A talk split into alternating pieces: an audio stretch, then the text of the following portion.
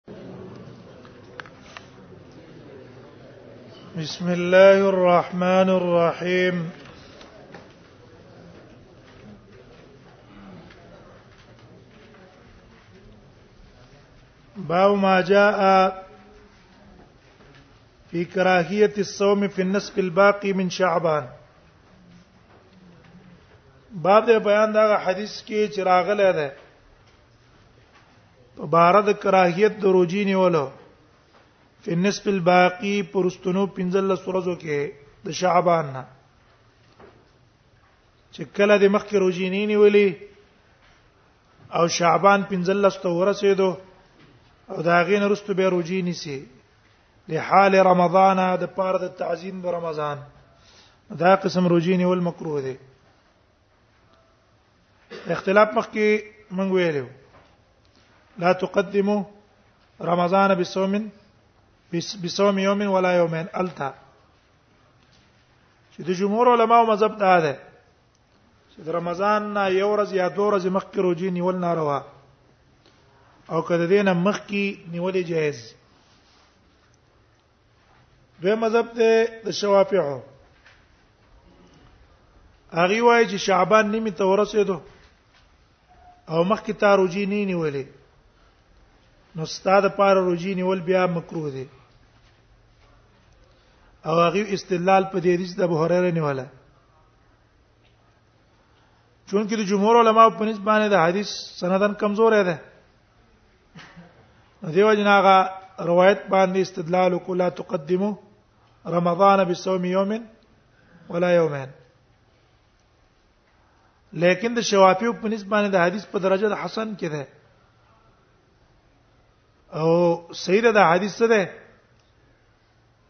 په اعتبار د سند څه صحیح ده حسن ده نو دیو جنا چې شعبان نیمه ته ورسیږي نه به نسی او کم روایت کې چې یو ورځ یا دوه ورځې نه هیدا نو هغه بنا ده علی سبیل الاغلبیه اکثر خلک تقدیم څو ورځې کوي دوه ورځې او درې ورځې کوي یا یو ورځې مخکې کوي الته نه هیدا بنا بر اغلبیت او اکثریت کنه شعبان چې نیمه ته ورسېدو به بسنه کې به بروجي نه نيسي ها مگر کده مخکنه تانه پلی روجي نه وله به کولای شي خبره نشته د وجه د پاسنې حدیث نه چې رسول الله صلی الله علیه وسلم ټول شعبان روجي نه وله او دا قول راجح ده چې نیم شعبان ته ورسېدو به بنورجي څنګه کې به بننی سي د حدیث د وجه نه عن ابي هريره قال قال رسول الله صلى الله عليه وسلم دا ابو هريره ځاونه روایت ته رسول الله صلی الله علیه وسلم فرمایي اذا بقي نصف من شعبان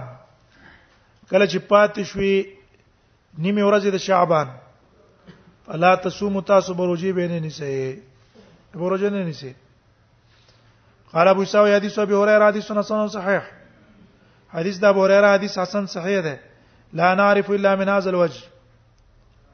مونږ ته نه معلوم الا من هاذ الوجه على هاذ اللفظ مگر په دې طریقې ومان هاذ الحديث عند بعض العلم او د بعض علماء په نسبت باندې د حدیث معنا دا ده ان يكون الرجل مفترا یو سړی مفترن روزه ما ته کړی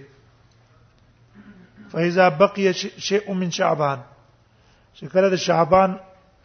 پنځل سورځې نه رستو شي اخذ فی الصوم ادا به شروع کی پروژه کې لحال رمضان د پاره د تعبیر د عزت او د تعظیم د میاشت د رمضان دا ته مراد ده او وقد روان ابي هريره عن النبي صلى الله عليه وسلم بما يشبه قوله ابو هريره رضی الله عنه هم دغه څه دي قول سم مشابه بل روایت نقل کړه وهذا حديث قال النبي صلى الله عليه وسلم او دا حدیث چې نبی صلی الله علیه وسلم فرمایي لا تقدم شهر رمضان بصيام الا يوافق ذلك صوما مگر الا چې دا موافق را لده د عادت روجې سره دا کله د کان یسوم وحدکم چې دغه ورځ روجې وکړه نیولې وې دې ما داخه پېښوي نور کله روجې نه نیسی اوس په اخر کې راغې تعظیم د رمضان د وجې نیسی ټیک نه ها کوم موافق ستاسو عادت د روجو سره له خیره وقد دل في هذا الحديث وې په دې حدیث کې دلالت په دې خبره کوي چې انما الکراهیه علی من يتعمد الصيام دا کراهت د هغه چا د پاره دی چې قصدن روزي نشي د څه د پاره د تعظیم د رمضان د پاره باو ما جاء فی ليله النصف من شعبان باب بیان د هغه حدیثو کې چې راغلی دی په فضیلت د نصف د شعبان شعبان نسب کم فضیلت چې پکې راغلی مثلا پنځلسه پنځلسم چوته وای او خاص کر په دې علاقو کې بیا ډیر سخت مشهوري په پنجاب ته او دې علاقو طرف ته اکثر دا مبتدعين نه دي دي په سي اعمالو کې مهنت نه کوي لیکن کم چې مبتدع او کمزوري روایتونه باندې بنای دا غیر سخت اهتمام کوي د شعبان په شپې اکثر دی شي بینه کوي په 15 د شعبان او سار ربیا څه کوي سار لدی به روزي نسی نو دې کې روایتونه راغلي دي څه راغلي روایتونه چې بعض علما په قول کړه ده چې ردا ترجی د حسن ترجیږي مبارک پوری صاحب هم چې ردا وي درجه د حسن ترجیږي لیکن نور علما را لګیدلی کلام په کړه چې څونه روایتونه دي دا ټول څه دي ضعیف دي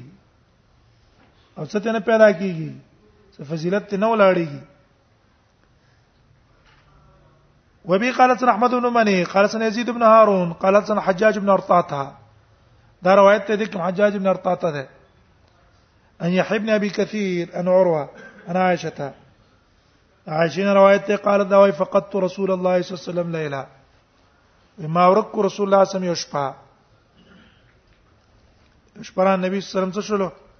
امه ورک کړو فخرجت نزوتلم فاذا هو بالبقيع نبی صلی الله علیه وسلم بقیع علاقه ته تلو دیره ته تلو فقال النبي صلى الله عليه وسلم ویلا اكنت تخافين اتي ريدلي ان يحيف الله عليك ورسوله چې ظلم وکي الله تعالی په تا باندې ورسوله داغه پیغمبر په در باندې ظلم وکي دین یې ریدل قلت یا رسول الله ما تو رد الله پیغمبره ظننت انك اتيت بعض نسائك وزما دا ګمان راغې چې کې دې چې نبی صلی الله علیه وسلم په نمبر کې صحیح بلې بي بي خواته تلې فقال نبی صلی الله علیه وسلم ویل ان الله تبارک وتعالى الله تعالی چې دین ذلالت نسب من شعبان را کوزیږي د شعبان په شپې اسمان د دنیا ته وګوره ځان له خو دې شپې نه را کوزیږي یا رش پر را کوزیږي فیغفر لاکثر مغفرت کوي په دې کې د ډیرو کسانو ته من عدد شعر قنم کلبن پشمار د اختو د ګړو د کلب قبيله د کلب قبيله ګړې زکه یاد کړي چې دی په عربو کې ډیرو په اعتبار د ګړو بزو دی ګړې بزې ډېرې دی ګړې بزې ډېرې شوې او په هغه باندې اختی نو تعداد ډېر شو کنه دونه مقدار باندې مغفرت غي نو ما وی جراشه تم مغفرت وغواړه چې مغفرت پکې الله وکي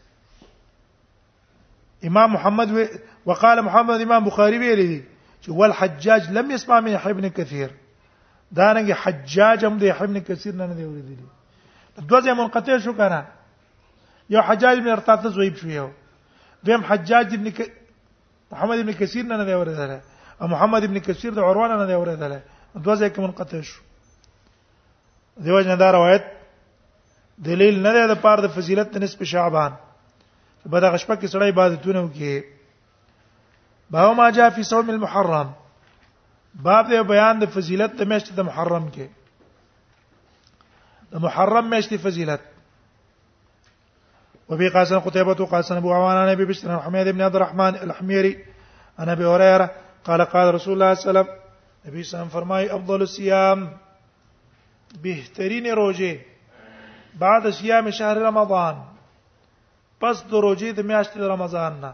شهر الله المحرم دا میاشت الله دا محرم میاشت اضافت الله ته شوی د پاره د تعظیم تعظیم د پاره د اضافت شوی شهر الله المحرم میاشت الله چې کوم محرم میاشت دې روزي بهترین روزي دي شهر الله المحرم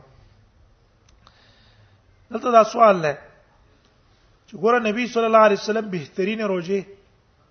محرم میاشت ته ویل او په خپل رسول الله صلی الله علیه وسلم روزه په شعبان کې نیولې محرم کې نه دی نیولې صرف عاشورې روزه نیولې ده نو ولی نبی صلی الله علیه وسلم د دې فضیلت نه په خپل خلاف کړه ہے ټیک د شعبان کې رسول الله صلی الله علیه وسلم روزي نیولې ځکه اعمال به الله ته پیش کړي نو په دې کې ولې نه دي نیولې نو یو جواب نه وی سب کړه چې دا نبی سلام په هغه وخت کې کار کړی چې ته فضیلت نو معلوم شعبان روزه به نیولې بیا رستو ته پته ولګېدل چې بهتري میاش کما ده حرم ده دویم جواب دا ده چې نه رسول الله صلی الله علیه وسلم تبذیلیت معلوم وو خو په دې محرم میاش کې رسول الله ته موقع نه ملاوي دلا سفر کې وو jihad لبتلو سفر لبتلو یا بیمارو په دې کو ته مقنه ملاوي ده شعبان کو ته مقنه ملاوي شوی دا ځکه غنی ویلي قال ابو سعيد حديث ابي هريره حديث حسن وبي قال سنة ابن حجر قال سنة ابن مسير عن عبد الرحمن بن اسحاق النعمان بن سعد عن علي قال ساله رجل يسريت تپوسو کړل ویل ايو شهر تامرني په کومه مېش کې ته ما ته حکم کې انا صوم بعد شهر رمضان اې دا الله نبی هغه مېش زرو جینی سم د رمضان نه پس قال نبی صلی الله علیه وسلم كنت صائما كرجيني سي بعد شهر رمضان د رمضان نه رست فصوم المحرم حرم رجيوني سي فانه شهر الله دغه د الله مېشته فيه يوم تاب الله فيه دا غورز د چې الله توبه ستري په دې کې قوم بني اسرائيلو فرعون پکې الله تبا کړ دی بچ کړ وې تو فی علی قوم اخرین نور کسان ته مملا توبه پور کی کنه په دې کې قال ابو ساو یا حدیث حسن غریبا حدیث حسن ده غریب ده